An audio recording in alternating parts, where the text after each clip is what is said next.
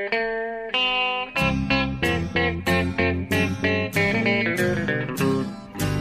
out there, we're on the air. It's hockey night tonight. Tension grows, the whistle blows, and the puck goes down the ice. The goalie jumps and the players bump and the fans all go insane. Someone roars, Bobby scores at the good old hockey game. Oh, the good old hockey game is the best game you can name.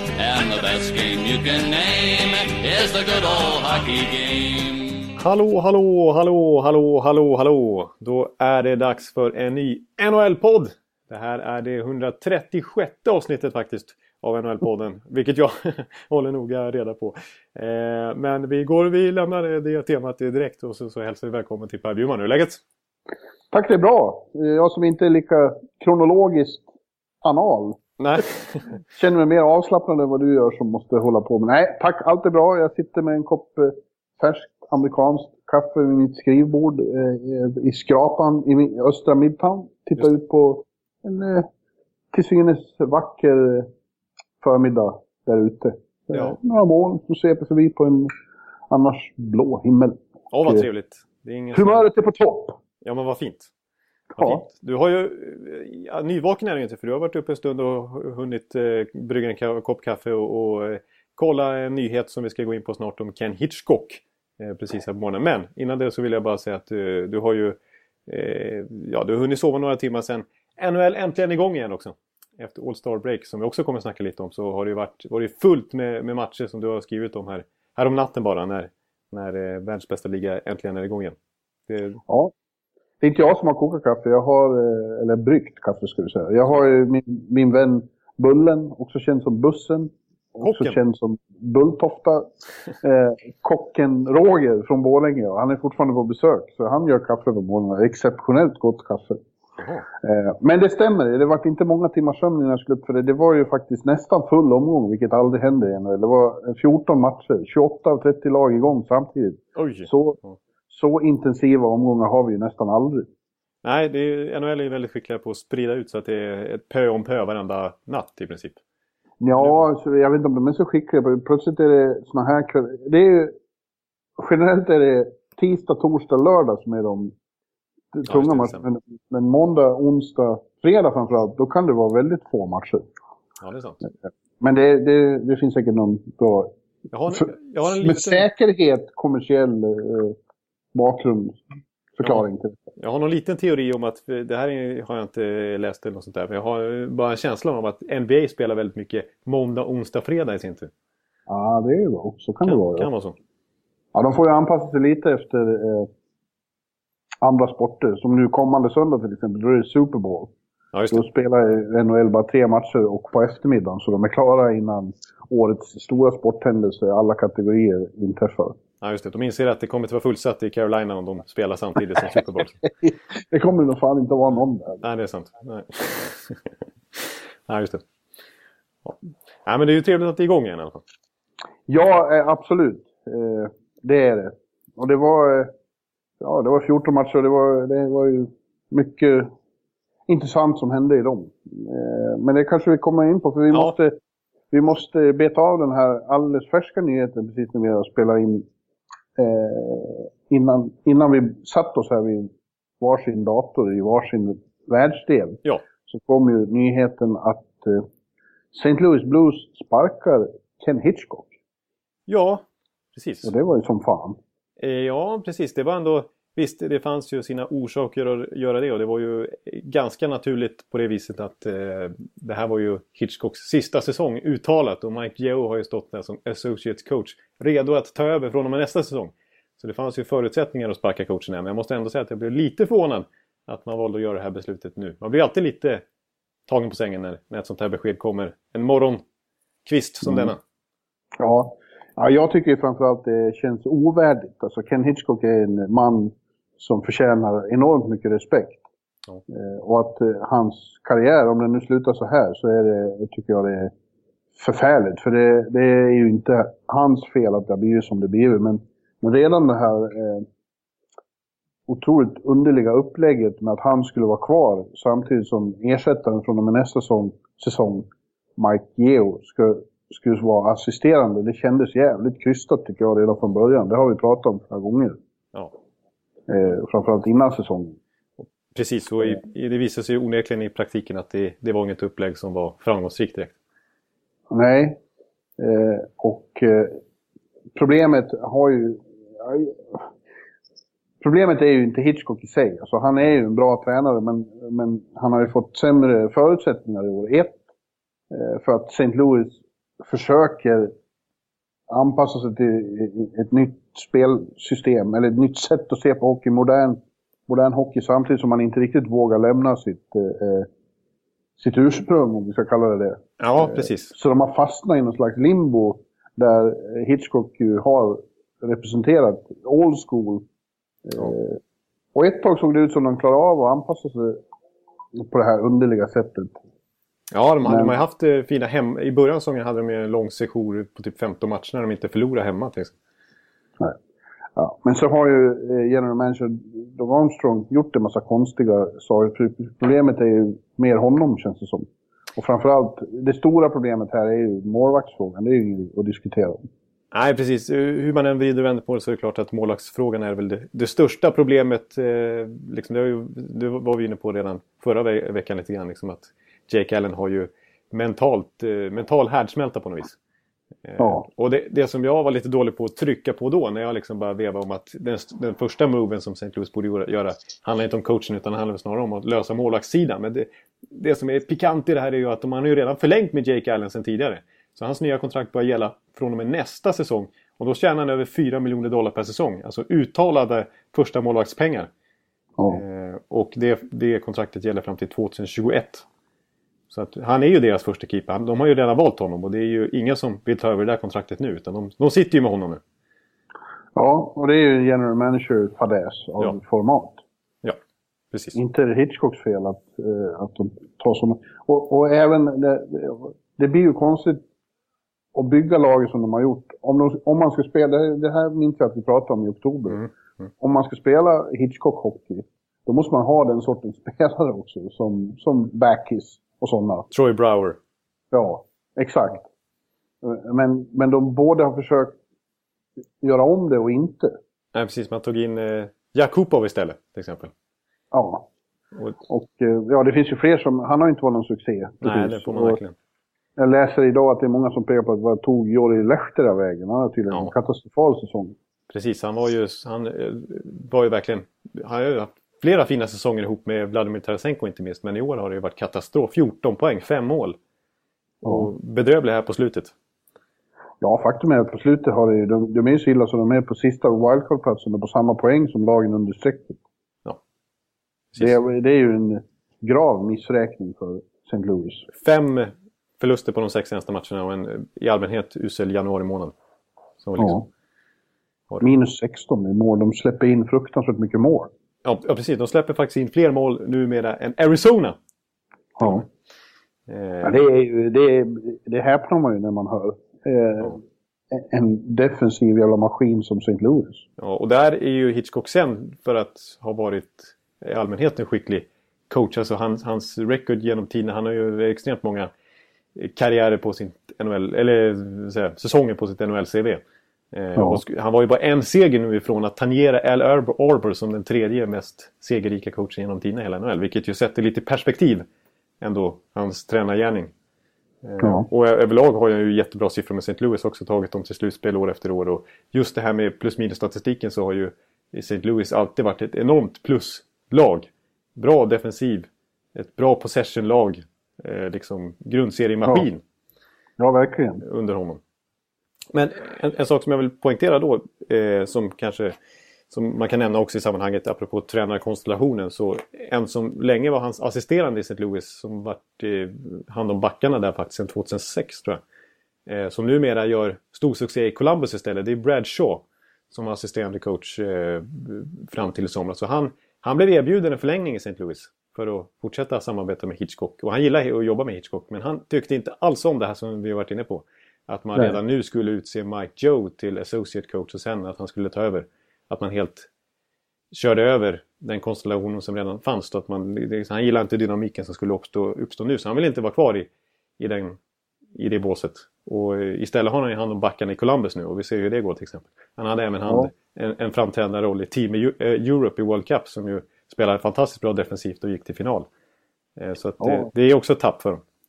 Och igår fick han ta ännu större ansvar när Columbus var här i, i, i New York och mötte Rangers. Av någon Ja, det. konstig anledning så dök inte Tortorella upp på presskonferensen utan det fick eh, din vän här, Brad Shaw, Ja. prata med media. Ja. Men Så- eh, det var en parentes. Eh, nu läser jag här att eh, eh, Doug Armstrong håller presskonferens medan vi spelar in och i princip gråter och säger att Ken Hitchcock är förmodligen min bästa vän. säger han. Oj! det blir sentimentalt här i podden. Va, vad sa du? Det blir ju nästan sentimentalt här. Ja, men eh, om, hur fan behandlar han sina vänner då, herr Armstrong? Jag skulle inte... Om, det här vore som att jag skulle gå och, och kasta ut bussen här ur lägenheten. Ja, just det.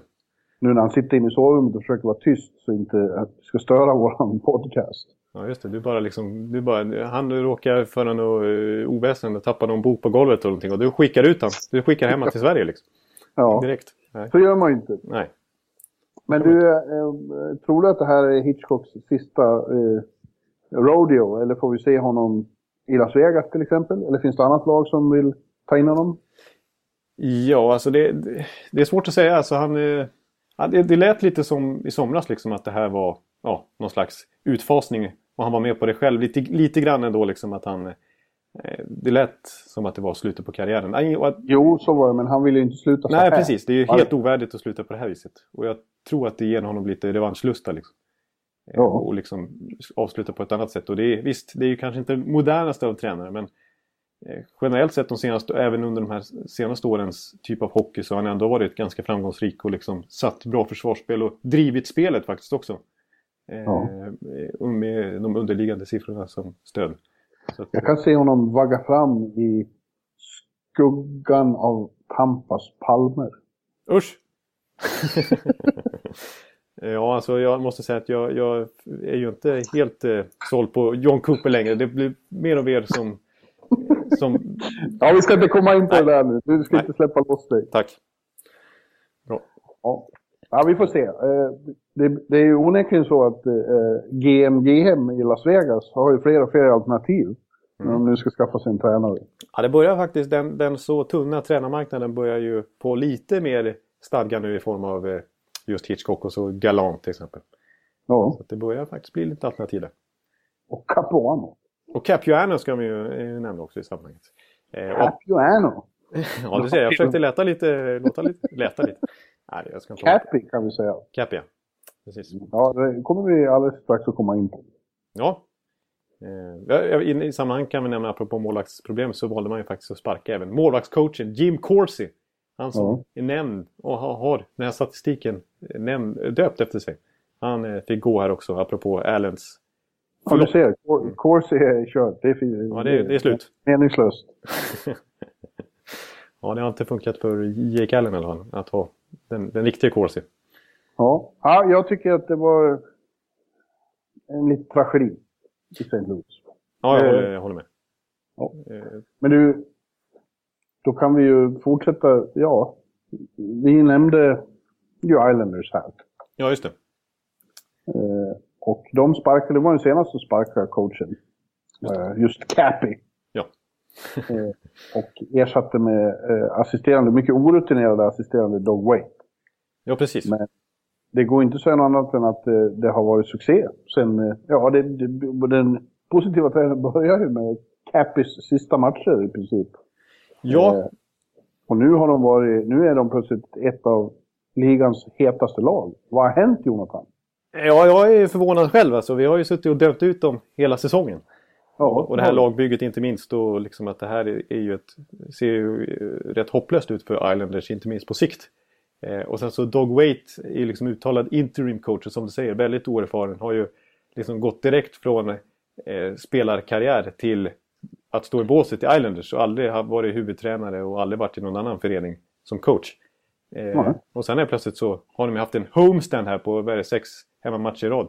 Och, och bara förlorat en match och det var efter förlängning. Så de har tagit poäng Ja, de har poäng, konstant. poäng sju matcher i rad och har plötsligt bara tre poäng upp till strecket och färre matcher spelade än lagen som ligger där. Precis, eh, poängsnittmässigt så är de ju nästan på slutspel. De är förbi Philadelphia till exempel i alla fall.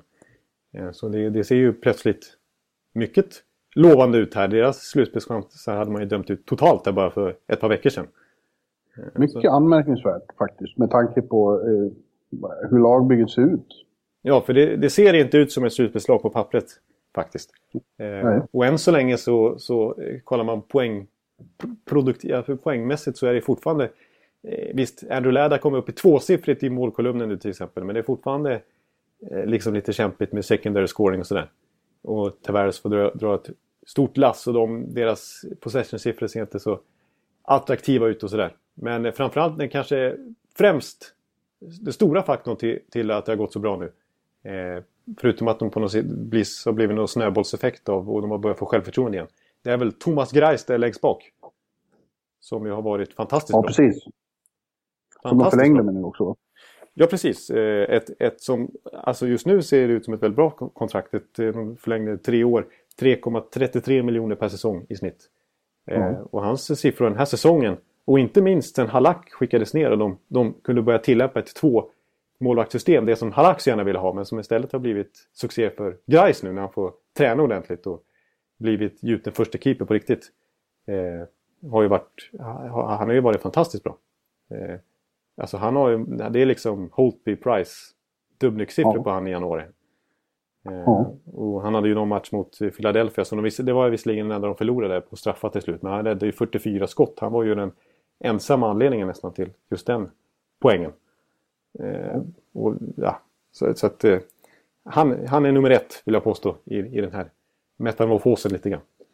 Och... Ja, det, är, det är roligt. Det är ett ytterligare bevis på att det faktiskt, även om man halkar åt helvete och det ser ut som att allt är kört, så finns alltid chansen ändå. Om man, om man får en stretch av eh, vinster och poäng det kan ju till exempel glädja er Tampa-fans. Ni kan ju tänka på det åtminstone. Ja, det finns ju någon slags det i bakhuvudet här. Men det brukar ju alltid vara något lag, eller några lag till och med, som har sådana här stretches från och med den här tidpunkten på säsongen och som helt plötsligt går till slutspel som man redan har dömt ut sen tidigare. Alltså Philadelphia förra året och Ottawa för något år sedan. Och Minnesota hade väl en sån här svit för inte så länge sedan heller. Så att, det, det, det, det, brukar ju vara möjligt. Men det är väldigt få lag det, händer, men det, gör ju det en gång per säsong. Här i stan fortsätter vi drömma om en slutspelsserie mellan Rangers och Islanders. Det vore ju... Det vore episkt. Ja. Men eh, om den eh, eh, inte händer förrän om några år så ser det inte längre ut som att eh, publiken får åka till Brooklyn. För det är den andra nyheten om Islanders den här veckan. Är att eh, äventyret i Barclays Center i Brooklyn ser ut att bli kortvarigt. Eh, de ägarna där har bestämt sig för att inte förlänga leasen med Islanders efter säsongen 2018-2019 tror jag det är. Just det. Eh, för att eh, de genererar inte tillräckligt mycket pengar. Och eh, ja, det är väl, ingen är väl egentligen förvånad. Det har varit ett jävla elände med, med, med Barclays ända sedan Islanders kom dit, sedan dag ett. Det är ingen hockeyarena. Ingen har trivts där, varken laget eller fansen. Eller ägarna har inte trivts med hyresgästen heller. Det har varit så tydligt. Ja, det, precis. Det, det har varit ömsesidig disrespekt, höll jag på att säga. ja, tråkigt, tråkigt eftersom det egentligen är en väldigt cool arena som ligger extremt bra. Det har varit väldigt bekvämt och lite coolt faktiskt att ta tunnelbanan ut till, till downtown Brooklyn. Ja. Gång på gång. Men eh, det, det, har helt enkelt inte funkat med eh, läktare med det inte finns riktigt sikt över hela isen. Och Nej, det är ju en basketarena. Jumbotron som hänger fel och, och usel is har ju alla vittnat om. Mm. Och konstiga, fast konstig personal som inte liksom, som bara rycker på axlarna åt allting. Och en pressläktare som inte är någon pressläktare. Så, nej, det är lika bra att, eh, att de får ett eh, nytt hem. Och eh, frågan är var de tar vägen. Det, det, det surras ju om att de vill bygga en egen, helt eh, hockey eh, anpassad arena ute i Queens. Ja. I närheten av Cityfield där Mets spelar, baseballaget Mets spelar och där tennisarenan, den underbara, ligger. Ja, just det. Davis och jag, får snacka upp. US Open. US Open, ja. ja. Cup är inte så ofta. Nej, Nej precis. Men, men, US Open varje sommar. Ja, varje sen sommar. Fantastiskt att vara, vara på plats då. Ja. Eh, men ingen vet än vad som händer. Det, vissa Islanders-fans drömmer väl också om eh, flytt tillbaka till eh, Nassau Coliseum nu ombyggt. Men det Ja. verkar inte så troligt. Bland annat därför att eh, han ryssen som äger Barclays äger numera även Nassau Coliseum. Just det. Och den den eh, relationen är ju inte som bekant då så, så god. Nej. Jag vet inte hur Nassau Coliseum ser ut nu heller vad det gäller anpassat till, till hockey. Nej, de skulle ju bygga om den rätt rejält som du sa. Den, det är väl, den ska väl göras mindre tror jag. Och liksom- Ja, precis. Ja. Så att eh, det, det är väl inte så... Jag tror att fansen gärna vill återvända till Long Island. De trogna är Islanders-fansen förstås. Men det vill ju inte ägarna egentligen. Det var ju ett uppenbart steg att flytta närmare Manhattan liksom, eller närmare storstan. Ja. Inte hålla ute, ute, långt ute på ön. där. Nej. Men det är, Ja, ja, det är märkligt. Det är, jag menar, 2019 går ut så de har inte så lång tid att vinka på om de ska bygga en helt ny arena och sådär. Det, är- Nej. det, är- det är ganska problematiskt faktiskt för Islanders. Då kanske får göra en säsong på Garden. Ja, det, kan ju, det är väl typ det, deras alternativ då. Liksom. Oj, vad sjukt. Oj då. Ja. Oj då, skulle det vara som det skulle vara för Tampa att spela i, i, i Carolina eller i Florida. Usch. Ja, det, det vill Ja, inte. hör, jag, jag kommer med små stick om Tampa hela tiden. Ja, usch. Jag försöker hålla, hålla... Jag kan inte bemöta dem på ett lämpligt sätt. Jag blir bara, Nej. jag blir bara stum och säger usch. Och apropå Garden och eh, Islanders eh, granne då, Rangers här inne på Manhattan, så är det lite nyheter även om dem. Ja. Eh, coachen Alain Vigneault fick eh, helt oväntat, out of the blue faktiskt, eh, plötsligt en kontraktsförlängning häromdagen. Och Ja. löneförhöjning. Han har nu kontrakt fram till 2020. 2019-20. Just det. Ja, och eh, från och med nästa säsong får 4 miljoner dollar per säsong istället för 2 som man har nu. Ja, det. Det kan man kalla en 100% ökning. Ja, det kan, det kan man säga. Och det är ju bara att konstatera nu att eh, sen Babcock skrev det där enorma kontraktet med Toronto så har eh, tränarnas löner ökat ordentligt i värde. Ja. Eh, Jag menar, Quenneville har ju rejält betalt och Boudreau och många till. Många där till. Eh, inte minst eh, som också i, i Buffalo till exempel. Men det, var, det vore väl eh, ganska så överdrivet att påstå att fansen i New York jublade. Framförallt de eh, mest hängivna fansen som, eh, som huserar på sociala medier var inte glada. Nej. De tycker ju att han eh, är tveksam framförallt vad gäller eh, matchningen av backar. Hur han använder sin personal. Ja, han har ju en förselek till till exempel Dan Girardi och Kevin Klein. Och Ja, kollar man på, på de underliggande siffrorna, vad de, hur de driver spelet och vad de, eh, eh, hur de får ut pucken ur egen zon och så vidare. Liksom, och hur, hur, hur mycket de bidrar till mål framåt och mål bakåt så har ju de extremt tråkiga siffror med en sån som Adam Clendenning har faktiskt eh, gjort väldigt bra ifrån från sig när han har spelat. Men han får ju ingen som helst istid jämfört med de här två. Nej, och det är helt enkelt så att Vigneault inte gillar honom. Han, han, och han, han har ju lite så. Eh, när han bestämmer sig för att en spelare inte är en favorit, då, då verkar det vara så. Det var ju, eh, han var ju väldigt styrmodig även mot, eh, eh, Jandel, ja, Keith Yandel. precis. Den typen av backar verkar inte vara hans, hans grej. Moderna backar. Men jag sitter här med en färsk New Post framför mig, så färsk så att jag känner doften av eh, trycksvärta. Oh, Och i den, i den skriver Larry Brooks en lång eh, krönika om att the Rangers know Alain is the right man for job. Eh, och de har ju haft en plan som har fungerat ända sedan förra lockouten. De har ju missat slutspel en gång. De har en långsiktig plan som, ja, de verkar göra vad de, de verkar veta vad de gör. De har inte haft några riktiga dippar under 11 år här. Nej, det har varit ett konsekvent slutspelslag och, eh, och ett, ett antal gånger tagit sig en bit in i, på våren också, om man säger så. Ja, man var i ett par konferensfinaler, konferensfinaler och en final. Eh, Det ser inte ut som det här laget kan gå så långt, men, men det är ändå framgångsrikt att ha varit i så många slutspel och varit eh, konsekvent ett topplag ändå. Ja, det hoppas jag. Eh, Och, och, ja, precis. Och Vigneault, för den delen, alltså apropå kontinuitet, så blir ju... Jag tyckte jag läste någonstans att han blir den första Rangers-tränaren att sitta över fem år sedan början av 60-talet. Ja. Så det, det har väl inte varit eh, tålamod och, och långsiktiga planer som varit Rangers melodi genom tiderna. Men det är väl ändå eh, något positivt det här måste väl ändå de allra mest kritiska fansen hålla med om. Jag har inte läst den här krönikan, jag håller på nu. Så. du, du, du. Ja men Larry Brooks är ju en stor... eh, No hockey not Al Arbor and not Scotty Bowman could win consistently with the type of erratic goaltending the blue shirts have received this season from Henrik Lundqvist.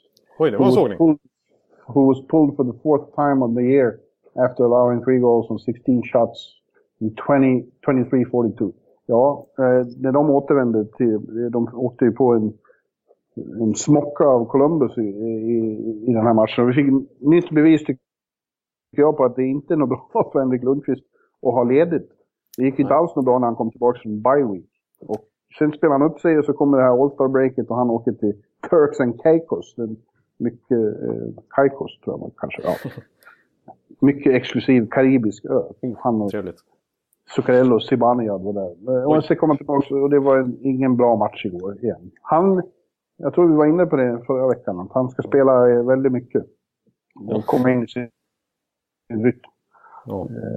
Ja, äh, det var ett sidospår, vi ska inte diskutera det. Nej, men, men, men, men en annan, alltså nu låter han ju väldigt eh, kritisk mot Lundqvist där, men en sak som jag sett hos Rangers eh, bloggare och tyckare och sådär, fans, också är väl att alltså en, en annan kritik mot Vigneault eh, den som mest fått skulden utåt är väl Lundqvist för den typen av förluster. Men det har ju varit många sådana här storförluster där de, alltså där de varit så otroligt segstartade i början av matcherna. När de slängt bort första perioden och ibland andra Ja. perioden innan de börjar spela först sent. De har sett liksom, det har varit lite inställningsfråga på något vis. Och då kopplar man det ju lite till tränaren när det händer upprepade gånger.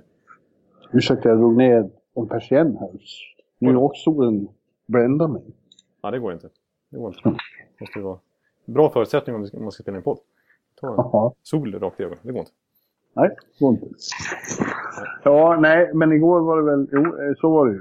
Men igår var det framför De var bra i första perioden, så gjorde de en katastrofal andra period. Så började de spela i tredje och hämtade in... Ja, hämtade nästan inte in, ska jag säga, men... De snyggar ju Låg till siffrorna sex- ordentligt. Ja, de låg under med 6-0 och det var 6-4 till slut. Men Det tycker jag vi sett eh, tidigare också i säsongen att, att de har eh, hämtat upp eh, enormt i tredje perioden. Och bara öst in. Mot Dallas den där matchen också för inte så länge sedan. för mig. Det, det blev Ja. väldigt jämnt Ja. till slut. Fast det var en utklassning Dallas till att börja med. Liksom. Ja, ja så var det. Ja. Men eh, eh, Tobias Pettersson och kompani, de får leva med Vigneault i många år till. Ja. Han, han är Jeff Gortons man och hela New Yorks man vad det verkar. Ja. Man ska tro detta. Så är det. Så, så är det. Du, eh, vi ska väl diskutera också lite det faktum att eh, din vän Per Bjurman, jag inte prata om mig själv i tredje person, Ja, det tycker jag ska. var, var eh, i Kalifornien över helgen, i Los Angeles, och bevittnade All-Star-jippot. Ja. I, inklusive eh, för året den här eh, 100-listan som eh, NHL firar sitt 100-årsjubileum med. De utsåg sina 100 bästa spelare och så de senaste 50 åren då presenterades eh, de stora stjärnorna vid en gala eh, i fredags.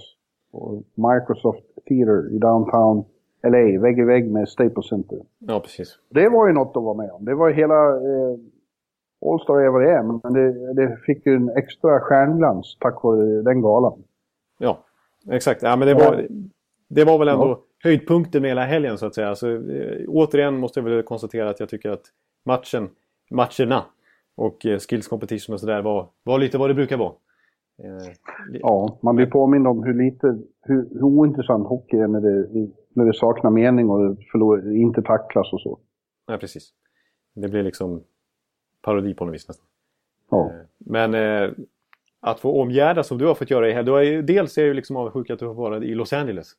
Bara, bara Mm. en sån grej är ju- gött med alla palmer och eh, vädret och hela stan liksom.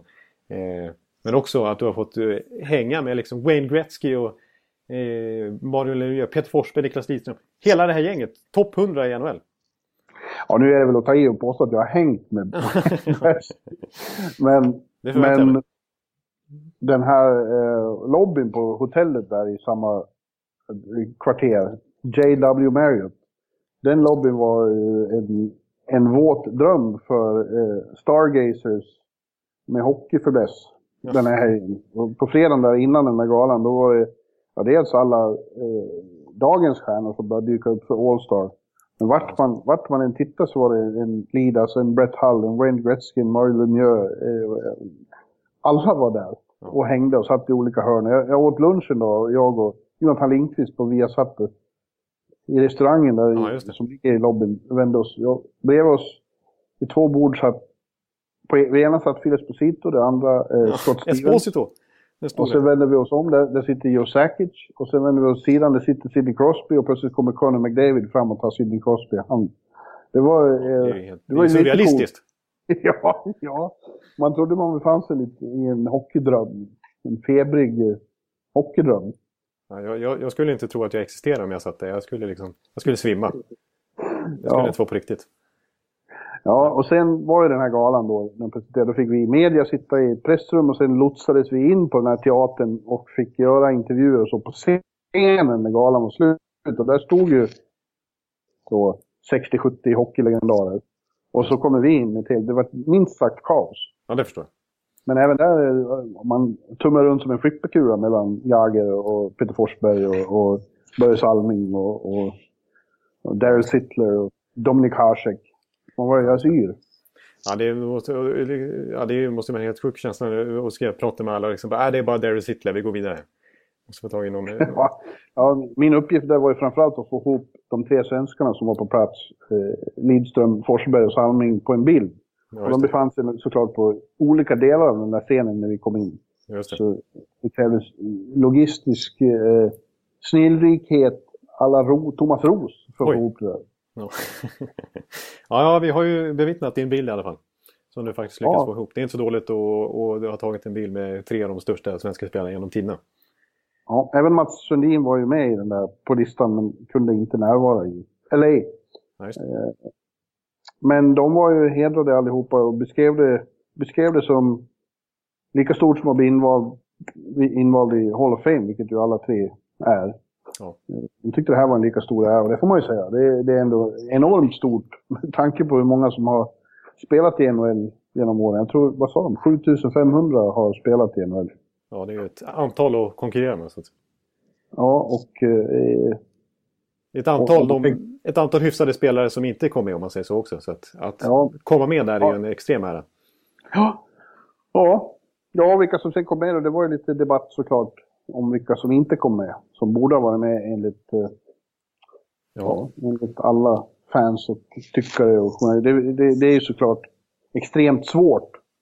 Det finns bara 100 platser. Du ska vara med från alla eror helst. Ja. Så Jag måste- eh, Jag måste ändå säga att jag köper upplägget de hade med... eh, Alltså, att de delar upp det lite efter... Innan, före 67 och efter 67. Att de sedan listade spelarna utifrån sin epok. Sin 90-tal, eh, 80-tal, 70-tal. Så här. Alltså det, för det skulle vara väldigt svårt att sätta 100 till 1. Eh, Ja. I rangordning. Ja. Och den extrema diskussion det skulle bli då. Och det skulle nästan Ja. kanske bli lite... Jag menar, nu var det väldigt god stämning på scenen där mellan alla alla, Ja. men om det skulle varit så här, liksom, Peter Forsberg skulle varit 20 platser efter eh, Niklas Lidström. Men sen, ja, kanske det skulle inte varit lika lätt. Nej, jag bara skojar. Men, men det skulle, ja. Det, det, jag tycker ändå upplägget, jag köper ändå att de gjorde så här. Även om det kanske skulle varit lite roligare med 1 till 100 naturligtvis. ja, nej, men du har ju helt rätt. Det blivit, det blir onödigt tjafs om det. Ja, precis. Eh, Men det som det väl blev mest debatt om var väl de alltjämt aktiva och eh, samtida stjärnorna, vilka av dem som blev invalda och inte.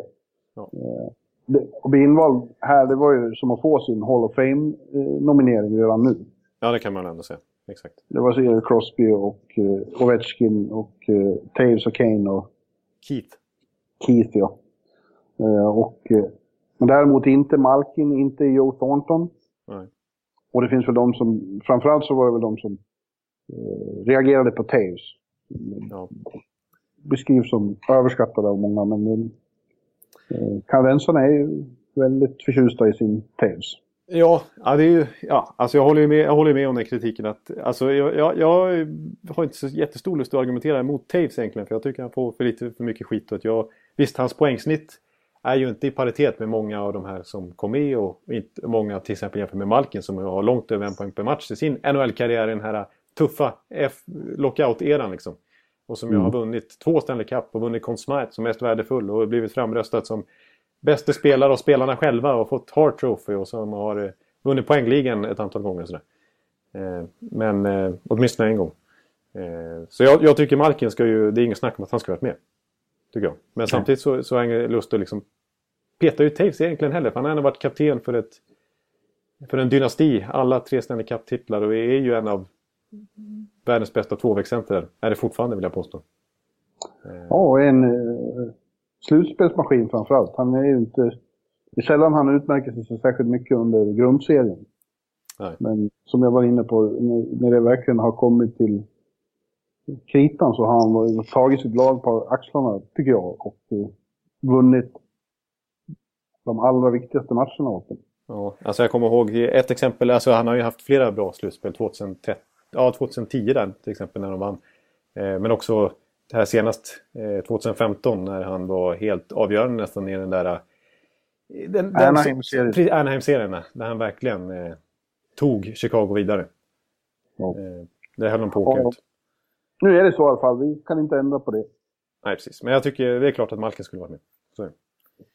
I övrigt så eh, intressant som vanligt under den här eh, helgen så håller ju eh, Gary Bettman en presskonferens. Och det intressanta på den var väl att det börjar låta som det här med OS eh, inte kommer att bli av faktiskt. Eh, han eh, lät väldigt, han dissade OS. Det är faktiskt bara ett år kvar Ja. nu. De kör igång i, i Sydkorea och eh, det börjar väl bli, liksom, ska det verkligen bli av så måste de fan bestämma sig snart. Ja, de har haft några deadlines. Det för, förut sades det att de skulle vara bestämt innan 2017 började och sen skulle det vara januari och nu har det gått förbi januari. Det har inte ännu kommit något officiellt beslut åt det ena eller andra hållet men tongångarna börjar mer och mer låta negativa. Han ryckte på axlarna när någon frågade om det, när måste beslut tas? Han, han var liksom lite nonchalant kring det. Och man ska komma ihåg då att det, det, det är ofta en teater och dimridåer när, Ja. när Bettman och Daley gör sina uttalanden. Det, det finns alltid en baktanke. Ja, det finns en baktanke med varje uttalande. Men de, de som är bättre än jag på att utläsa, läsa av de här herrarna, de sa att de för första gången, alltså journalistkollegor som, som har dju- djupa känningar, de, deras intryck var att det här, för första gången så börjar de, tycker de att det börjar luta åt att det inte blir OS för NHL-spelarna. Ja, ja, ja jag, jag kan hålla med lite grann. Jag, jag vet, jag tycker, alltså det, som, det som talar för OS ändå tycker jag det är att... Alltså, det är väl att... Och så har det väl alltid varit så det är, det är inget nytt egentligen. Men spelarna har ju verkligen uttryckt att de vill komma dit. Conor McDavid, Taves, Mm. Crosby och sådär. De, de, de, de vill ju verkligen att ligan ska lösa det här. Ja, Eh. men det är, li, det är ligan, det är ägarna som bestämmer. De, Ja, de sitter på pengarna och de, de vill ju inte betala eh, kostnaden. Det tror jag i och för sig bara är snack. De vill framförallt inte stänga ner sin Nej. liga i tre veckor. Nej. Och eh, eh, Behöver anpassa Få sig hem- efter OS. få hem skadade spelare. Och de har gjort det nu fem gånger eller sex gånger eller vad det är. Och eh, alla säger ja men det ger sån bra goodwill och får så mycket PR. Men om de gjorde det då skulle de ju inte tveka. De vet ju vad de gör. Även om många inte tror det. Och sen är det I synnerhet, naturligtvis... I synnerhet vad det gäller inkomster. Så det har inte gett tillräckligt mycket. Nej. Framförallt inte när det är på andra kontinenter än den nordamerikanska. Precis, och nu är det extraordinärt med tanke på att det är Sydkorea. Liksom. Det är bedrövlig, bedrövligt eh, tidsmässigt för den amerikanska kontinenten. Ja, och dessutom så eh, en komponent man sällan nämner här, för fansen här verkar inte alls lika angeläget som det är för svenska fans till exempel. Mm. Eh, här är NHL mycket viktigare än, än landslag för alla hockeyfans. Och uppe i Kanada nu så har de ju varit så överlägsna och vinner alla turneringar så det börjar bli en axelryckning för kanadensarna. De har vunnit Vancouver, de har vunnit Sochi och de vann World Cup. Ja. De, tycker, de har liksom inget mer att bevisa. Ja, vi såg ju i World Cup, liksom, eh, där vi trodde att nu ska, nu ska hockeyn eh, till eh, liksom, en turnering med världens bästa i hockeyns mecka. Det måste ju vara sånt sjukt tryck där. Men det var ju inte ens fullsatt på alla matcher. Långt ifrån. Nej. Det var ju inte det tryck man hade förväntat sig och det kändes lite grann som att Visst, turneringen i sig gjorde väl sitt. Att, att det var World Cup och att det var nystartat och det kändes lite eh, suspekt upplägg sådär. Men, med konstgjorda lag och sådär. Men eh, det var ändå vittnar lite grann om landslagsintresset i, Kanada just nu. De är så överlägsna ändå så att det kanske inte är det som är prio ett, liksom. Nej, det är inte. Nej, och eh, ja, i övrigt själva som du, som du redan har nämnt så själva skills competition och eh, All-star-matcherna var inte mycket att hänga i den så kallade julgranen. Nej. Nej, de åker runt på halvfart och Ja, men det är väldigt roligt runt omkring. Eh, medlemmarna i Professional Hockey Writers Association har haft en eh, grundlig och underhållande firmafest i dagarna tre. Ja. Och det, det är bra, väldigt bra tillgång till spelarna. Vi pratade väldigt mycket med Erik Karlsson och Viktor Hedman som var de svenska representanterna där. Just det. Eh, och eh, det är ju anmärkningsvärt med Viktor. Eh, det var en jag känner som igår efter Tampas bedrövliga förlust mot Boston skrev att, vad skrev han? det är nu... Ja, jag skrev, jag skrev något att eh, det är nu Per Bjurman skulle säga att det skulle vara kul att se Viktor Hedman i ett bra lag. Ungefär som Oliver Ja. Larsson. Ja.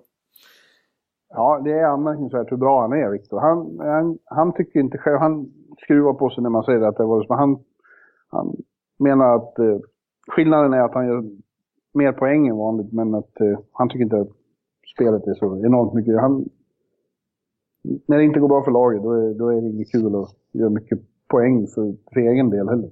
Nej, men jag, jag, jag får säga en snabbis, en liten harang om honom som ändå sitter och tittar på alla Tampa-matcher.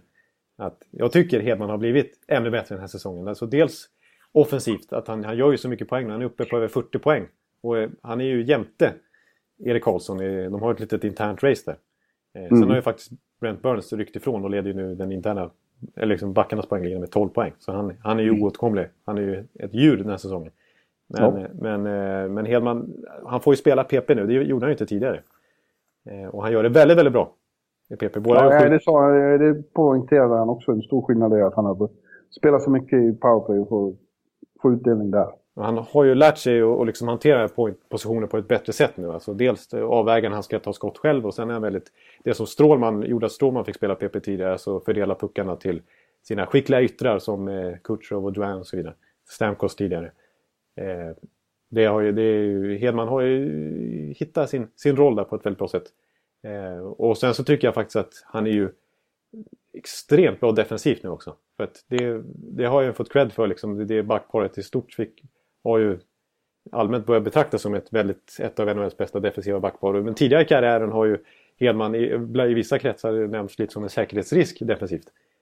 Eh, och var lite för nonchalant och lite vågad i sitt spel. Men nu tycker jag att han är har extremt bra avvägning och att han har, han har ju en fantastisk reach med sin storlek. Som han utnyttjar väldigt bra. Eh, och sen är han ju så otroligt skicklig på skridskon också. Så att han har ju liksom så extremt många komponenter i sitt spel som han börjar hantera och liksom maximera sin, Ja. sina verktyg. Så att Ja. jag, jag, jag, han är... Lugn nu. Hey, I'm Ryan Reynolds. Recently, I asked Mint Mobile's legal team if big wireless companies are allowed to raise prices due to inflation. They said yes. And then when I asked if raising prices technically violates those onerous two year contracts, they said, What the f are you talking about, you insane Hollywood ass? F- So to recap, we're cutting the price of Mint Unlimited from $30 a month to just $15 a month. Give it a try at mintmobile.com slash switch. $45 upfront for three months plus taxes and fees. Promo rate for new customers for limited time. Unlimited more than 40 gigabytes per month. Slows. Full terms at mintmobile.com. Otroligt bra. Ja, och då har, vi, då har vi sagt vad som behöver sägas om honom eh, när vi kommer in pretty much på det avslutande inslaget i den här podden nu. Ja. Eller hur? Ja, men det tycker jag låter som en bra övergång. Ja. För vi tänkte, halva säsongen, vi passerade halvtid för ett tag sedan, men det är efter All-Star-breaket som den andra delen av grundserien börjar på riktigt på något vis. Det är den långa spurten det här. Ja, precis. Och därför tänkte vi att vi skulle titta på eh, racet, eh, awards-racet. Hur Ja. det skulle te sig om det var nu. Precis. Vem som ska ha de stora priserna. Vi kanske inte behöver gå in på Lady Big. Nej. men eh, men eh, sådana som Calder, Norris, eh, Hart. Ja. Hart, man. Ja. Ja, låt oss börja med Hart eftersom det är, man alltid börjar med det. Det är den stora. ja, det är väl ändå liksom, det är MVP-priset. Ligans mest värdefulla spelare helt enkelt. Ja, i, i och med att jag har eh, faktiskt för en gång skulle inte skjutit från höften utan satt mig ner och skrev ner några anteckningar här. Och dessutom har det här diskuterats ganska ivrigt under All-Star-helgen. Under, Ah, över, okej. över borden som det heter. På baren i, i downtown LA. Du har suttit och diskuterat det här med, med Friedman och Dan Rosen och de här Chris Johnson kanske. Ja, det kommer lätt upp efter några drinkar och, och det blir Det blir några stycken sådana där. häftiga, häftiga debatter. Ja. Och mina tre namn. De två första känner jag mig helt, eh, helt eh, övertygad om att de ska vara nominerade. Ja. Jag har ju tagit tre per kategori, det brukar vara så. Ja. Det är Sidney Crosby i Pittsburgh Penguins. Och det är Connor McDavid i Edmonton Oilers. Och eh, min tredje är faktiskt Devon Dubnik i Minnesota Wild. Ja. Ja. Har du Ska- några invändningar där? Eller vill du byta ut någon mot någon? Ja, jag har inte så stora invändningar. Jag skrev ner fem namn och så har jag försökt ranka dem. Så att jag hade väldigt likt det. Jag hade också... Jag hade faktiskt McDavid detta. Mm. Eh, även om jag tycker kanske Crosby... Han är en bättre spelare. Men MVP är ju ändå ännu mer liksom... MVP är ju... Statut, statuten är ju att det är den mest värdefulla spelaren för sitt lag. Ja, och det håller jag med Det är ingen som har haft stor inverkan på sitt lag som McDavid har i år. Det är han som har gjort Edmonton, förvandlar dem till ett slutbeslag plötsligt. Ja, precis. Och visst, visst, det har hänt lite över sommaren med när man har tradat bort eh, Hall och fått in Larsson och gjort lite åt sin backsida. Och det har varit lite andra grejer som har, som har eh, eh ändrats. Men vi såg ju Edmonton utan eh, McDavid förra året när han var skadad var det katastrof. I år är de ett slutbeslag och nu blir det bara bättre och bättre. Nu har de ju distanserat sig från strecket ganska ordentligt. Och går ju onekligen mot slutspel här för första gången på hur länge som helst. Och McDavid är ju anledning nummer 1, 2, 3. Till det. Ja. Så att, eh, och leder i poängligan fast, faktiskt just nu. Även om Crosby har ett fantastiskt poängsnitt. Eh, han har ju missat ett antal matcher så han ligger på... Han har överlägset bästa poängsnittet hittills. Eh, och och det, han har samma poängsnitt som Kane hade förra året faktiskt. Skulle, han, skulle Mac- eh, Crosby med det här poängsnittet ha spelat 82 matcher då skulle det bli 106 poäng. Precis som Kane vann poängligan med i fjol. Och det är ovanligt att klättra över 100 poäng faktiskt i dagens hockey. Det ser vi ju inte varje, varje, varje år. Det, Så att eh, Crosby är naturligtvis allt, ett, ett gäng också. Sen har du, sen du Dubnik. mm. Jag har han som fyra och jag kan köpa att han är trea. Men jag tog faktiskt Burns. Ja. Ja, visst. Visst. Burns har ju, som du redan har nämnt, en fantastisk säsong och kommer ju vinna ett annat pris, tycker jag. Ja, det Ganska kan så självklart. Men, men Dubnik är ju också, han är ju en av... San Jose är ju ett bra lag. Ja, inte utan Burns kan man inte säga, men de, han har ju fler eh, komponenter där tycker jag som, som bidrar till att de är så slagkraftiga. Medan Dubnik känns som huvudorsaken till att Minnesota är, Ja är så sensationellt bra just nu. Om du förstår vad jag menar. Ja, jag förstår vad du menar. Och Dubniks eh, siffror är ju närmast historiskt bra här den här säsongen. Alltså, vi kommer väl komma in på på Vesina kan jag tänka mig. Det blir väl lite att vi man kommer in Mm. på. Men han, han eh, bibehåller han den här räddningsprocenten så är det som han har just nu som är nästan 94. Då, eh, eh, då är ju det en av de, jag tror topp 5 åtminstone, eller om det är topp 3 till och med, bästa räddningsprocenterna genom tiderna i NHL-historien under en hel säsong. Om man skulle behålla det. Eh, så det är ju otroligt bra. Ja.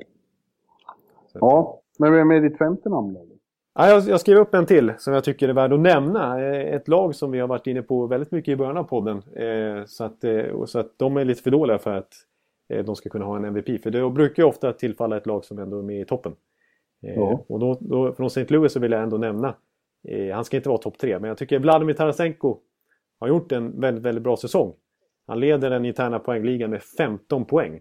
Så han, är, Ja. han bär ju deras offensiv på sina axlar. Han gör mycket mål och han har inte så jättebra skottprocent heller. Så han skulle kunna ha ännu mer poäng än vad han har egentligen. Och, och, eh, Jo, men grejen är att om inte laget går bra, då, då spelar det inte så stor roll att man är dess viktigaste spelare. nej, precis. Nej, det, det, så är det ju onekligen. Men det är ändå, jag tycker det sticker ut hans, hans offensiva produktion när lagkamraterna inte ligger i närheten på samma siffror. För visst, McDavid och, och Crosby har ju stor del i att det går bra för Conor att det går bra för Patrick Mar- Maroon till exempel. Eh, det är ju all heder till, till McDavid och Crosby att de lyckas lyfta sin omgivning så tydligt. Men Tarasenko har ju inte riktigt fått den, eh, den liksom offensiva eh, hjälpen runt omkring sig den här säsongen. Men har ändå bara öst in poäng och mål. Ja. Ja, vad gäller Crosby så jag sa ingenting om honom, men det, det är ju uppenbart att han är taggad av att det kommer in till, att det kommer en, en, en så generational talent bakom honom. Och att det, det, var, det var alla överens om i Los Angeles, att han är taggad av det. Han, är, han är angelägen om att uh, hålla McDavid bakom sig i, i, i racet om titeln världens bästa spelare. Ja. Ja. Han vill fortfarande bli bättre, han vill fortfarande vara bäst och han vill fortfarande vinna allt. Det, det är ju kanske Crosbys allra största styrka. Ja, och jag, precis. Och vi, det går ju att prata hur länge som helst om Crosby, men han är ju faktiskt den bästa spelaren fortfarande. Så är det ju. Ja. Och han har ju vunnit allt som går att vinna här det senaste året. Han, allt han ställer upp i blir ju succé. Och han är den stora dominanten. Ja. Det är mina hart. Ja. Ja, ja, då var vi ganska lika. Du har. Ja. Eh, då tittar vi på Norris tycker jag. Bra. Och mina tre som jag har tagit ut är Brent Burns då. Mm. Som, är, som är, borde vara självklar vinnare. Han har en helt monstruös säsong. Men eh, jag tycker att han ska få sällskap till Las Vegas eh, i alla fall av Erik Karlsson och Victor Hedman. Ja. Då, då är vi exakt likadana. Jag har Burns etta, Karlsson tvåa faktiskt ändå och eh, Hedman trea. Ja. Det finns eh, ibland, eh, har jag hört, eh, viss, vissa små farhågor om att det skulle kunna bli en sån här Drew Dowdy mm, fadäs för att eh, vissa kanadensiska journalister tycker att Shea Webber är som sensation nu när han har kommit till Montreal. Att eh, Burns skulle kunna bli robbad av honom, på, men det, det kan inte hända. Så bra är inte Shea Webber. Nej, Nej, precis. Alltså, Webber är ett svårt... Svår, eh, alltså, visst, han gör det bra i år. Han har producerat väldigt mycket och, och han har ju varit med och lyfta eh, Montreal på ett imponerande sätt när faktiskt Carey Price har varit bra. Men inte sådär Carey Price bra den här säsongen. Så man kan ju inte bara skriva att de är ett one-man team längre. Eh, och, och, han har ju... Han har ju alltså han, han är ju, lag, alltså han är ju lagkaptens karaktär i alla fall. Och har ju bidragit till hela dynamiken i omklädningsrummet är naturligtvis Webber. Men fortfarande så är det ju det här, de här...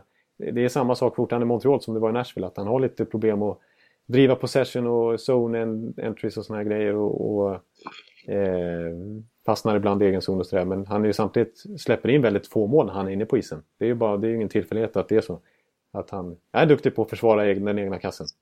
Och när han väl är i offensiv zon så har han ju sitt skott och sitt spelsinne som gör att han producerar väldigt mycket poäng också.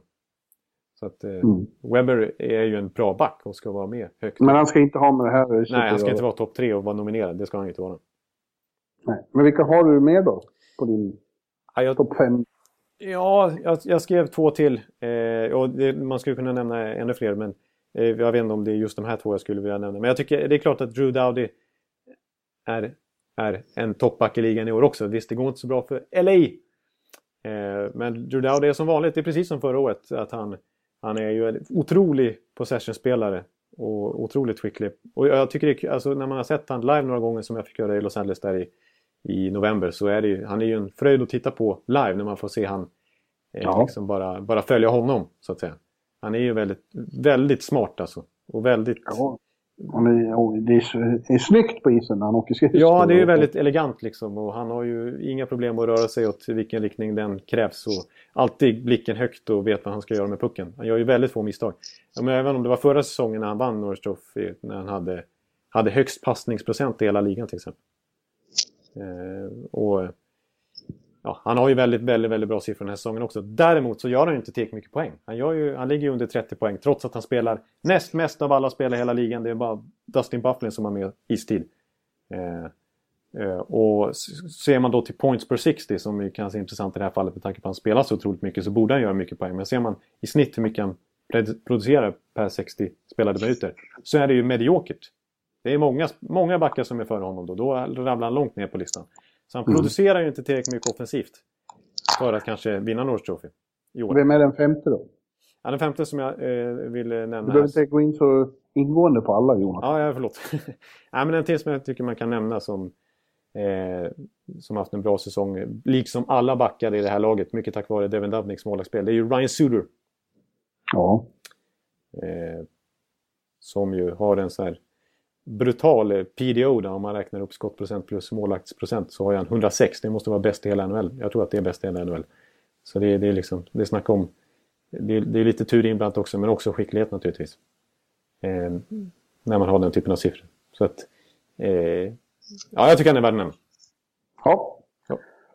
Då tittar vi på Vessina då och där har vi ju nästan redan sagt vem som ska vinna. Eftersom han nomineras till Hart så måste han vinna Vessina också. Och det är Devin Dubnik i Minnesota. Ja. Och, och jag tycker hans främsta konkurrenter om det priset, as of now, man vet inte riktigt vad som händer de här sista månaderna, tycker jag ändå är Braden Holtby och Sergej Bobrovski. Ja, men det var eh, spännande. För det, nu är vi ju sådär lika än. Jag har exakt samma. Ja. Ja. ja. Eh, ja, det är de som har verkligen stått ut. I, början var ju Tokarask också ett, ett klart Vessina-ämne. Men Mm. har Även inte Price. Riktigt, ja, Price kan man aldrig riktigt komma ifrån. Är det dina två övriga? Nej, jag har faktiskt inte orkat skriva upp Price här. För att han, är haft, han, han borde kanske vara omnämnd i allra högsta grad. Men jag tycker ändå inte att hans säsong har varit tillräckligt bra. Faktiskt. Men mest i jämförelse med honom själv, eller hur? Ja, mest i jämförelse. Det, är- det är orättvist att jämföra. Och han har fortfarande två månader på sig. Så att han kanske kommer hamna där till slut. Han är ju, det, ska man välja en målvakt man vill ha i sitt lag så är det klart, då kanske Price till och med före Dubnik. Ja. eh, Men vilka mer då? Få höra nu. Ja, jag har nämnt, jag ser att jag inte ens nämnt fem här så jag får säga Price igen då. Men ett, ett ove, oväntat namn som jag ville ta upp här. Som jag faktiskt tog som fyra. Och det är kanske lite väl högt. Men jag tycker ändå att han har, han har blivit, hans insats i år kanske är lite underskattad. Och i, i, det, jag säger emot mig själv lite grann när jag säger att Conor McDavid är den enda anledningen till Edmontons succé. Så har ju faktiskt Cam Talbot gjort en fantastisk säsong. Eh, och det är lite intressant att kolla på hans siffror. Han har ju spelat överlägset mest av alla målvakter. 45 matcher. De flesta lagen spelar runt 50 nu och han har ju spelat nästan alla av dem. 45. Eh, Ja. Och vunnit 26 av dem. Bara förlorat 12. Eh, och, och har ju jättebra statistik. Alltså, och det visar ju att kollar man på hans siffror lite grann så visar det att Edmontons försvarsspel är ju nödvändigtvis inte så otroligt mycket förbättrat den här säsongen. Utan de släpper till, alltså Cam Talbot har ju fått överlägset flest till exempel kontringslägen emot sig, alltså kontringsskott. Eh, han har fått flest, överlägset flest eh, vad som betraktas som high danger scoring chances emot sig. Ja. Så Alltså, han har fått svåra lägen. Och mycket, väldigt mycket skott emot sig den här säsongen. Eh, och ändå så, så har han en räddningsprocent som är klart över average den här säsongen. Och eh, ja, det finns eh, ett avancerat, riktigt avancerat som man kan ifrågasätta lite eh, giltigheten men ett system som går ut på vad, om man ser till lag utifrån massa olika parametrar, vad, de, vad målvakten i det laget borde ha för räddningsprocent. Så ligger Cam Talbot över den, vad han borde ha egentligen. Så att han har varit väldigt bra den här säsongen och har stor del också. Han och Conor McDavid är de stora faktorerna till att det går så bra. Alltså man ska inte, man ska inte Ja. underskatta Talbot heller. Men han är... Men, men han utmanar inte de här tre. Nej, det, Bobrovski. precis. Eh, Jag, jag, jag tycker ändå att eh, jag håller ändå dem före fortfarande. Intressant med Columbus målvaktssituation. I, igår här på Garden så var det ju den unge finländaren Jonas Korpisalo som stod. Just det. Och han var riktigt svinbra faktiskt. Riktigt... Riktigt stor talang, det ser man ju. Och eh, jag, jag skrev i bloggen, jag tycker det eh, understryker att Finland bara är en eller två riktigt högklassiga backar från här, här, världsherravälde inom något år. Eftersom Ja. de har så fantastiskt mycket eh, bra forwards och nu återigen väldigt bra målvakter. Fan. Line gjorde 23 målet igår och Sebastian Aho stod för hattrick. Ja. Det en här, var en härlig fin, finländsk kväll som fick vår vän Jarko just nu på månadslång ferie i Thailand Just det. och jubla från Polen på morgonen. Ja, det förstår jag. Nej, det var en väldigt fin finsk kväll igår och, det, och de har ju all anledning till tillförsikt. För att alla de här killarna som har kommit in i NHL i år hittills, så, ja det är väl Puljujärvi är väl undantaget. Annars har det ju, ser det ju väldigt lovande ut på alla möjliga håll och kanter. Även Ristolainen tycker jag ser rätt bra ut i år och sådär. Mm. Så att, eh, Ja, men nu kommer vi från ämnet lite. Ja. Eh, Holtby och Brodowski, eh, vi behöver inte säga så mycket. De har varit jävligt bra, punkt slut. Ja, en, en sak som jag kan nämna snabbt nu med Holtby bara som jag tycker är, eh, apropå hans statistik. Det är att han, han, tar, han är, här kan man verkligen betrakta om att han tar det, ska, det han ska ta. Det tycker jag är en, en, en grej jag vill ha hos en målvakt. Att man inte släppa in massa tavlor och massa onödiga skott. Utan han, man tar allt det man ska ta. Sen kan man släppa in något eh, bra läge ibland och sådär. Men, Ja, exakt. Men- det, det, det, spelar, det spelar ju faktiskt ingen roll om man har jättebra siffror men alltid släpper in en enkel puck eller framförallt släpper in i avgörande lägen. nej, exakt. Eh, Pre- Precis, och alltså Braden Holtby har ju otroliga siffror. Men det finns ju då, även, precis som det finns high danger scoring chances, eh, siffror på statistik på det, så finns det även på low danger. Och eh, Braden Holtby har bara släppt in två low danger chanser på hela säsongen. Eh, och det är han klart bäst i hela ligan på. Så han tar verkligen de Det är en extremt bra egenskap. Ja. Så det tycker jag man ska lyfta fram. Det tycker jag också. Ja. Du, vi går vidare med det kanske intressantaste racet av alla är väl Calder eftersom det är en sån enastående rookie-säsong. Ja, verkligen. Så där kan man verkligen ha eh, många synpunkter om vilka som ska vara med. Mina tre då, som jag har tagit ut, Mm. är Austin Matthews, Patrick Laine och Mitchell Marner. Ja, Och, och det intressanta är ju att eh, skulle jag göra fem då, som du, då skulle jag nog kanske ha med William Nylander också. Och du tar med hela Toronto-ligan där. Ja. det säger inte så lite om vilken framtid de, framtidspotential ska vi säga, de har i, i Toronto. Och så många unga superba spelare. Ja. Och, och de är, alltså, och inte bara liksom, jag, framförallt säger de framtidspotentialen, men det, redan nu så tycker jag att de är så otroligt bra, alla tre de där. Och apropå det så fick jag precis ett mail från eh, NHL Public Re- Relations. Eh, att Mitchell Marner är utsedd till Rookie of the Month. Jaha, där ser man. Ja. Ja. Och han är ju... Eh, han får inte det lika mycket uppmärksamhet kanske Nej. som Matthews. Men han är ju... Vilken smooth hockeyspelare. Ja, eh, precis. Jag har ju jämfört honom med Patrick Kane. Lite grann. Ja. Eh, Ja. Det, där, jag har lite den kopplingen bara för att båda spelar i London Knights som juniorer. Men som har lite liknande bakgrund. Men han är ju väldigt sevärd hockeyspelare. Och faktiskt gjort mer poäng nu än Matthews. Han har 41 poäng. Jag tror Matthews står på 39 när vi spelar den där. ja. Men han gör ju mycket mål. Och, och, och, och det vill jag ju nämna då med, med Line också. Att, jag, jag tycker han måste, måste vara nominerad här. Med sin, för sin unika eh, målfarlighet och sitt fantastiska skott. Ja. Ett, Alltså- eh, ett skott som, som liknar ingenting. Det ser inte hårdast ut i världen, men det är så jävla eh, dynamiskt. Ja. Och vi såg ju faktiskt på Skills Competition, om man ska ta med sig någonting därifrån, att det var ju hårt också. Det var ju bara Webber som sköt Ja, exakt. Jo, grejen är att det ser inte så hårt ut, för det är så snyggt. Ja, men det är precis. hårt också. Han har en väldigt kort ansats ofta när han skjuter, vilket ju är bra. Han Ja. liksom bara trycker iväg pucken Ja. eh, Men sätt. du, men som sagt, det är ett väldigt bra rookieår, så jag vill höra vilka fler du har än de här tre. För jag utgår från att du har de här tre med. Ja, de är onekligen med. Och sen så tror jag, sen är det svårt att säga nu alltså vem som är nummer ett. För det kommer ju onekligen avgöras. Det blir ju ofta väldigt, väldigt, väldigt baserat på det, det, det man har färskt i, i, i intryck. Så det brukar bli den som avslutar bäst. Som Ja. vinner. Eh, vi minns ju till exempel Filip Forsberg för några år sedan. Alla trodde han skulle vinna och sen hade han en svag sista en och en halv månad. Och så blev han, blev han inte ens nominerad. Nej, just. Eh, Men just nu vill jag ändå påstå att jag håller... Ja, alltså Patrik Laine 23 mål slår ju högt, men jag håller faktiskt Matthews som nummer ett hittills. Ja. ja. Eh, Men eh, andra bra Jag förslag... hoppas, eh, jag hoppas, det är tur för dig att, Jarko är på semester. Ja, just det, exakt. Det här skulle Jarko absolut inte vilja höra. Hoppas han eh, kanske eh, har eh, hunnit somna vid det här laget när han lyssnar på podden eller någonting. Så I, där vid poolen. Nej, men eh, eh, en som jag har som nummer tre faktiskt. Då har jag, inte, då har jag ju faktiskt inte med Marner på min topp tre och det är ju lite konstigt. Men jag, jag är så svårt förtjust i Zach Wierenski. Ja, jo, men alltså, absolut. Eh, Han är ju den stora sensationen på backsidan. Och, och Ibland undrar man om det skulle vara ett rookiepris för forwards och ett för backar. Ja, det är precis. Eh, Och det som du brukar vara inne på också, som är en, ett faktum, det är ju att det är ju, det är ofta svårare för backar att kliva in i ligan och dominera snabbt. Ja, Och Renska klivit rakt in här som 97 eller vad han är. Ja, han är väl 97 och, och eh, blivit en toppback där i Columbus. Och Ja. är ju kanske en av ligans redan nu bästa powerplaybackar. Han är ju, om jag hyllade Hedman för att vara duktig på point så är Werenski fantastisk på det. På att få eh, avväga när han ska skjuta och skjuter nästan alltid på mål. Väldigt få skott utanför och blockar och sådär. Eh, och bra på att fördela spelet liksom. Och ta in pucken i zon och sådär. Kanske inte riktigt lika imponerande i defensiv zon ska tilläggas. Men han är, det är en väldigt, väldigt bra tvåvägsback ändå. ja.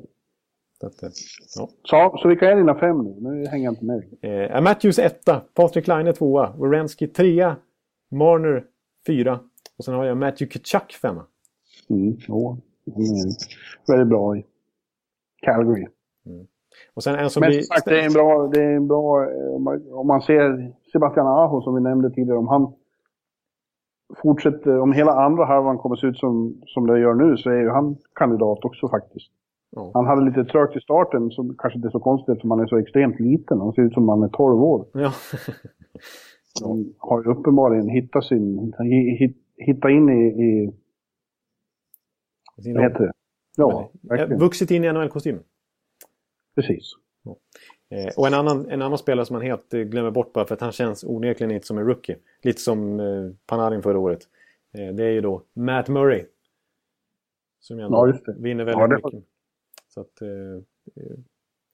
och han har ju redan vunnit Stanley Cup på sin karriär så det är svårt liksom att se honom som en rookie. Men han är ju det och han vinner ju eh, en stor majoritet av alla matcher han spelar för Pittsburgh. Han har ju ett väldigt bra lag framför sig också men han är ju imponerande i, sig själv. Så han är väl med i diskussionen eh, om topp tre han också tycker jag. Ja. Ja, nu går vi vidare. Jag vet inte om du har, har tittat på den, men jag tänkte prata lite Selke också. Ja, För att det är intressant, för att de the usual suspects är, är ju inte så bra i år. nej Det, precis.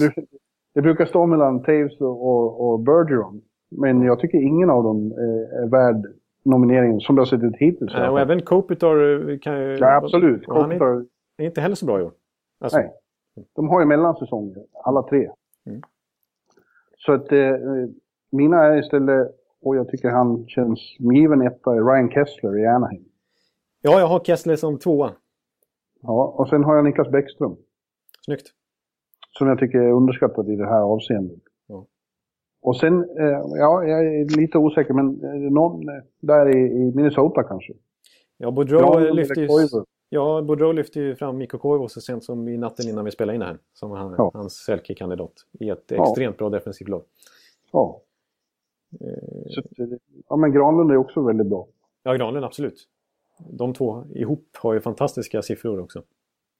Ja. Där gäller det att inte släppa in mål och generera... Driva spelet framåt. Eh, Men nu låt mig höra nu Ekelivska facit. Ja, eh, jag börjar bakifrån då. Eh, Ett litet skrällnamn som jag skrev upp på femte plats. Det är faktiskt Conor McDavid. Ja, Som, jaha, som ja. har otroligt bra defensiva siffror. Men han används ju inte så mycket i den rollen. Så att det blir ganska small sample size. Han spelar ju inte så mycket boxplay till exempel. Men när han väl gör det så släpper han typ aldrig in ett mål. Han är, han är ju bäst på allting liksom. Ja. Ungefär som Crosby säkert skulle vara. Eh, om man använder så. Men McDavid är ju jättebra defensivt han också. Alltså, det är bara att han används ju offensivt för att han är en av världens bästa spelare. Mm. Eh, och eh, sen på fjärde plats skrev jag Mikko Koivu. På tredje plats, ja, ja, alltså det är svårt, jag kanske glömmer namn här också. Bäckström tycker jag är värd att nämna. Men en som vi inte har nämnt än, en annan svensk, det är ju Micke Backlund. ja. Alltså den kedjan. ja, han har ju väldigt bra säsong. Precis. Sure. Han, han gör ju dels väldigt mycket poäng. Eh, gör han ju nu för tiden. Och eh, dels så har ju den där kedjan med Kitchak och Frolik varit en av NHLs bästa shutdown lines.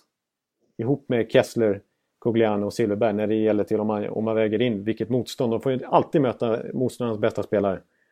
Och de får väldigt eh, ofta starta i egen zon och sådär. Men alltid lyckas de trycka fram spelet liksom. Och vara inne på lite baklängesmål och generera mycket skott framåt och mål och sådär. Så de, de har ju verkligen en tuff uppgift men sköter det galant. De två kedjorna sticker ju verkligen ut.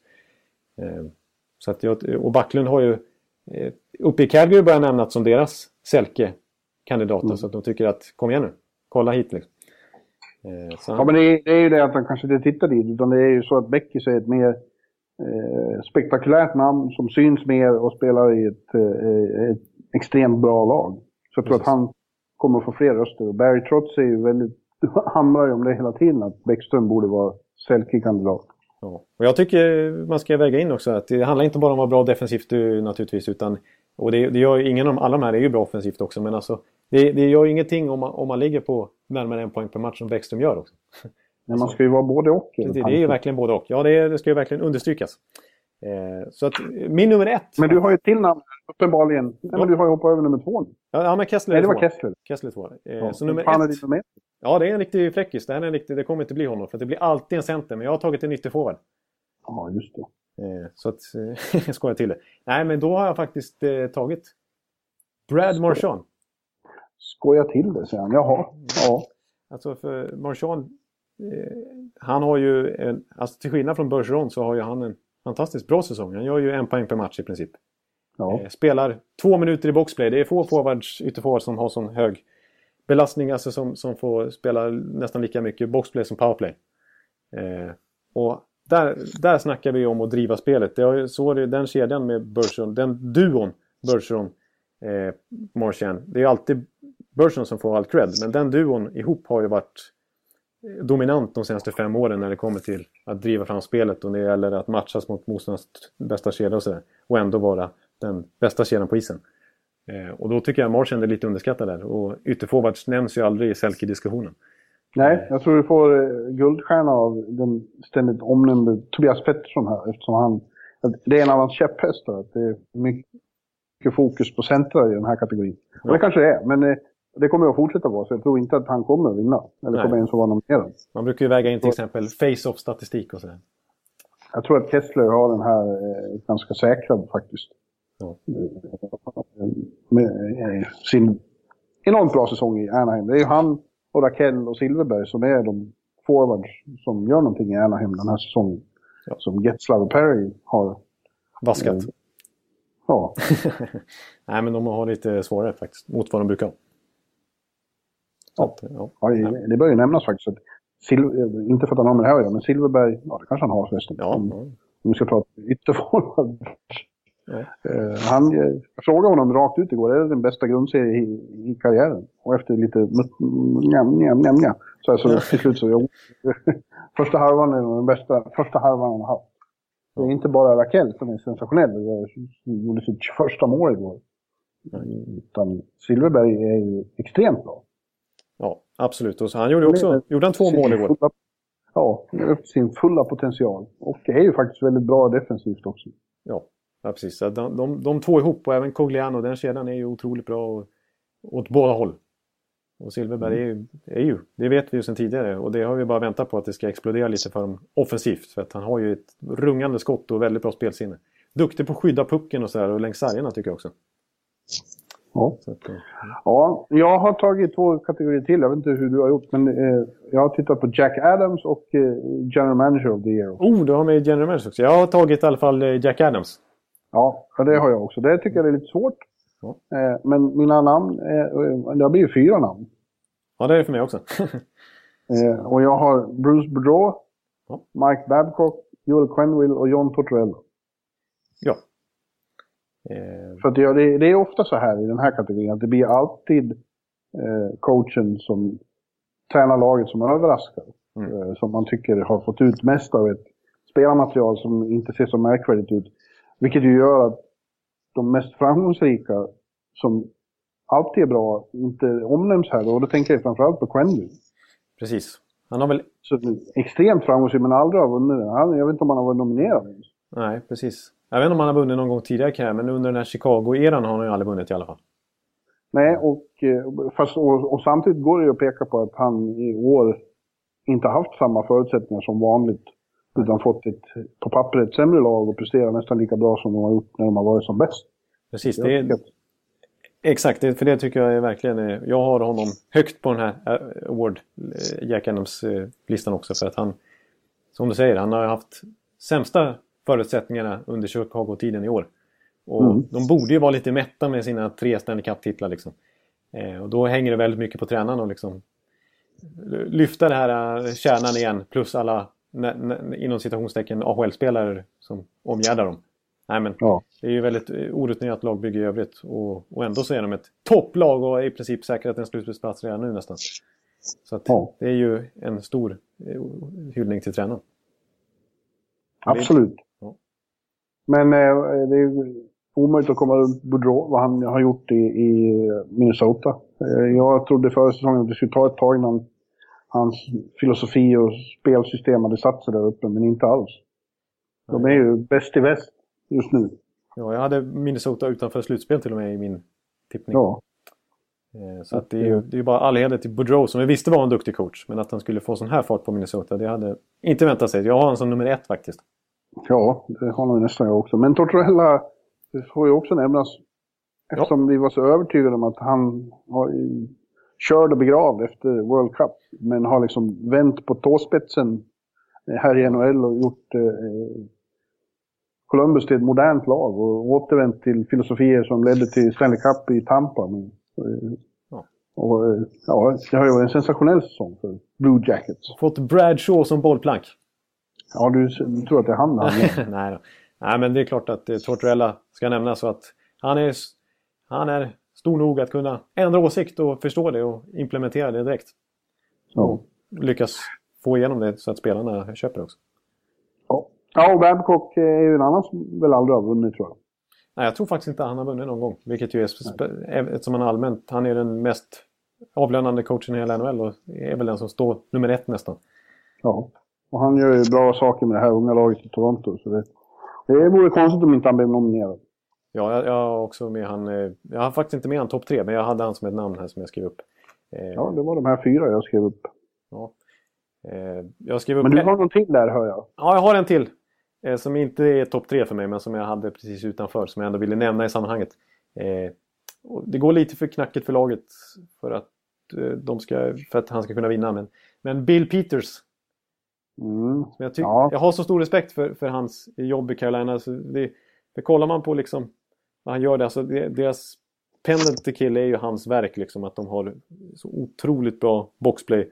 Och de har ju faktiskt, alltså när det kommer till Corsi och generera skott framåt och, och liksom dominera matcherna possessionmässigt så är de oväntat bra. Alltså med tanke på det spelarmaterial de har som ändå är lite som är på gång men som inte är något topplag än så länge. Så, så har de en väldig förmåga att, att styra, Ja, styra och ställa matcher. Och, och de, eh, det, det, det enda negativa för dem egentligen det är att målvaktsspelet inte är tillräckligt bra. Och det, det är ju inte bara hans förtjänst att säga utan det är väl Cam Ward framförallt. Så att, eh, Eh, Deras PDO är ju sensationellt låg. De har dålig skottprocent och ganska dålig målvaktsprocent. Och dålig skottprocent är inte bara otur utan det beror ju på att deras spelarmaterial, även om Aho, och Terveinen och Lindholm och Rask och gänget är intressant så är det lite tunnare än många andra topplag. Så att det är klart att de har lite lägre skottprocent. Så att jag tycker alltså de har en väldigt, väldigt skicklig tränare. Mm. Hävdar de. Ja, men eftersom du inte har tagit General Manager of the Year då, så bara Ja. sveper jag förbi och det, det, jag tycker det, det är ju väldigt svårt att, att hantera. Är det, någon, är det någon kategori som egentligen avgörs först efter slutspelet så är det väl den. Vem som har byggt det bästa mästerskapslaget. Ja.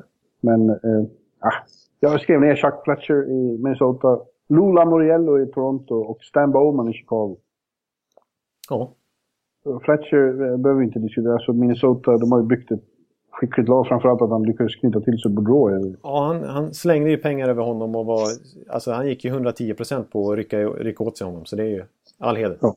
Och Old School Lou, eh, det är ju intressant. Eh, det, det känns ju mer som det är en, en laginsats där av hela ledningen. Ja, men- av. Men, men man ska inte underskatta Lou. Han är ju smart och eh, har anpassat sig till en ny verklighet sen han kom från New Jersey. Han har lett dynastier i sin tid. Ja, Förut och Bauman kommer ju ge ändå, även om det på pappret ser sämre ut, att han hittar pusselbitar som passar in i det här Chicago-pusslet och gör dem till ett eh, mycket framgångsrikt lag igen. Ja, han är ju en skicklig förhandlare och strateg. Ja. Det är bara att konstatera. Men du kanske vill ha in, vad heter han i Washington? Det är väl det är svårt att klaga på honom. Ja, jag tappade namnet. Han heter ju Mac han också. Ja, ja skitsamma. Och Kekkeläinen i Columbus får man väl också ge, om inte annat får lämna ut sitt nummer till Jarkko Päiviniemi. Så Jarkko Ja, kan ringa honom när det behövs. Och det, det är lite sensationella där att han hade ju inget eh, utrymme löntagsmässigt att göra någonting nästan Jarkos, eh, Jarko, Jarmo. Kekkeläinen. jag, ska inte, jag ska inte blanda ihop dem nu. Det skulle säkert Jarko tycka om. Men, nej, men Jarmo hade... Ja, jag tycker Jarkko ska bli eh, general manager någonstans. ja, det tror jag också på. I Winnipeg. Ja, det skulle han göra så grymt ifrån sig. Han är ju Ja. grym i fantasy ska du veta, Jarko. Han leder ju våran eh, Aftonbladets interna fantasyliga här helt överlägset. Ja, du ser. Ja. Du, det slår mig nu när jag bara tittar på tabellen som hastigast att en, en eh, Jack Adams-kandidat som vi bara svepte förbi får väl ändå lov att säga var eh, Guy Boucher också som har gjort eh, Ja, Ottawa klart mycket bättre än vad de e- egentligen är, höll jag på att säga. ja. Alltså, jag, jag tänkte på Guiboucher också och jag orkar inte skriva upp honom bara för att det kändes, lite, det kändes som att det har en liten risk att bli lite så här... In, alltså han är, han är ingen Patrick Rowe och han är ingen Paul McLean men lite sådär... Eh, lite typiskt sån där val att... Att den största överraskningen lite grann så. Mm. Men eh, så det är klart att han har ju stor del, alltså den kanske största anledningen till, till Ottawas metamorfos är att de faktiskt ligger på bra slutspelsmark just nu. Det är ju Guy Ja, Bouchers system. Ja, det är få som eh, har ett system som så tydligt påverkar lag Ja. ändå. Mm. Så han kanske är värd att nämna här också. För det är ju verkligen en tränarfråga det. Ja. Det har ju... Ja, eh, han passar extremt. bra det. Mm. Ja. Ja, men då är vi klara. Men du, eh, Lady Bing då, det blir väl... Eh, eh, ja. det tycker jag är extremt svårt. Jag, ska, jag är med och röstar, så var, varje vår här ska ta fram eh, fem sådana. Jag, jag vet inte vad jag ska titta på ens. Nej, det, det, jag kan inte hjälpa dig så mycket där. Nej, tack. Största sportsliga och gentlemannamässiga uppträdande kombinerat med spel, stor spelskicklighet. Ja. Ja. Ja, du får väl, jag tycker du ska gå efter... Eh, Det dina... blir Brad Marchand, är det? Ja, just det. Precis naturligtvis. En väldigt sportslig, eh, gentlemannamässig kombinerat med... Så är det ju. Nej, jag tycker du ska gå efter eh, dels vad de presterar på isen och dels hur eh, duktiga de är på att svara i telefon när du ringer. Ja, då blir det bara svenskar. då. Ja. Då, eh, då är väl Beckis bra det. Ja, verkligen. Men eh, apropå Marchand så sa ju Victor i, i, i Los Angeles, jag frågade, han tyckte det mest fantastiska med det här var, eftersom det var hans första All-Star, att han fick hänga med och lära känna spelare som han vanligtvis bara möter på isen. Ja. Eh, han sa ju att han satt och drömde i båset och bara såg sig omkring och tyckte det var helt magiskt. Eh, och han spelade i Atlantic-lag, så jag frågade om det var någon som hade överraskat positivt genom att visa sig vara måhända trevligare än han trodde. Och då var det ju såklart Boston-pesten. Marchand han sa han är ju extremt jobbig att möta, sa han. Men det har visat sig att han är en underbar människa. Oj. Ja. Och de, Ja. de, jag tror inte han skulle uttrycka sig likadant efter gårdagens match mot eh, Boston när Marchand återigen hade en liten fadäs och gjorde en liten ful eh, eftersläng och sådär. Ja. Men det är, så, det är så han är. Ja. Ful på Ja, isen, men han var uppenbarligen privat så... Ja. Ja, det är lika med dig, Jonathan. Ja. Du är jobbig som fan i den här podden, men du är trevlig privat, jag vet ju det. Ja, ja det vet du. Ja, det vet du. Ja, ja, ja, vi, ja. ja, ja jag tycker vi, vi sätter punkt där. Så, så stannar vi i den här podden helt enkelt. Ja, det har varit en eh, rätt så lång podd. med Ja. Mowgli och Baloo. Precis, så vi har gått igenom hela... Ja, det blev eh, rejält eh, måttigt här. Men eh, vi får väl tacka för oss den här veckan och så eh, kör vi nästa vecka istället. Igen. Ja, då får vi se vad vi är och vad vi gör och vad som har hänt. Ja, och faktum är att eh, det är bara en månad bort till trade deadline här snart. Så snart kommer väl de här eh, trade-ryktena börja husera även i podden när vi spekulerar lite kring sånt. Men det är lite tidigt än.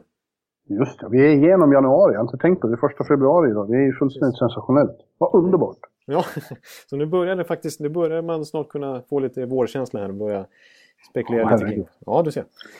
Ja, men... Ja, Eh, ja men eh, tack för den här veckan och eh, det var trevligt. ja, tack samma. Och eh, på återhörande allihopa. Höj, höj. Höj! What comes around goes around. What comes around goes around. What comes around goes around. What comes around goes around.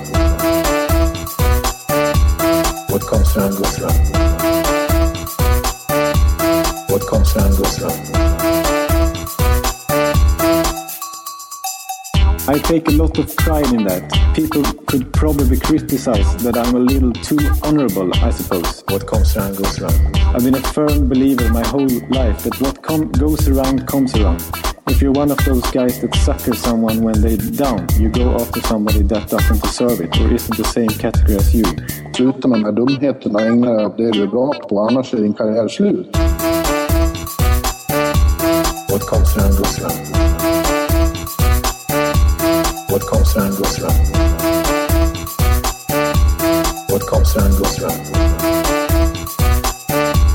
What comes around goes around. Goes around. Goes around.